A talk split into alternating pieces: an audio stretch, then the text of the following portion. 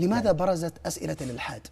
يعني أنا ما نتكلم عن الشتائم، الشتائم لكن لماذا برزت الأسئلة؟ لماذا هنالك من يسأل وبإلحاح وارتفعت النبرة؟ هل هو تضايق من وصاية دينية ما أو عدم فهم لدين ونحن في مجتمع ديني؟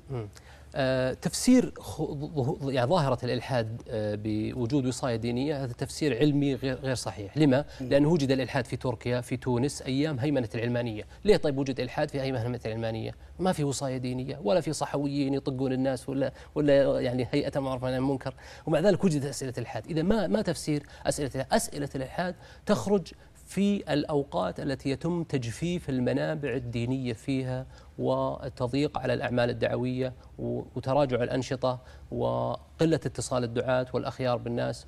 هي فترة ضمور إيمان ارتبطت بهيمنة الحداثة الغربية وضخها إلينا من خلال وسائل الاتصال الحديثة من خلال الإعلام من خلال الرواية الحديثة. الرواية شكلت يعني سبب كبير جدا من أسباب من أسباب الإلحاد من أسباب ضعف الإيمان.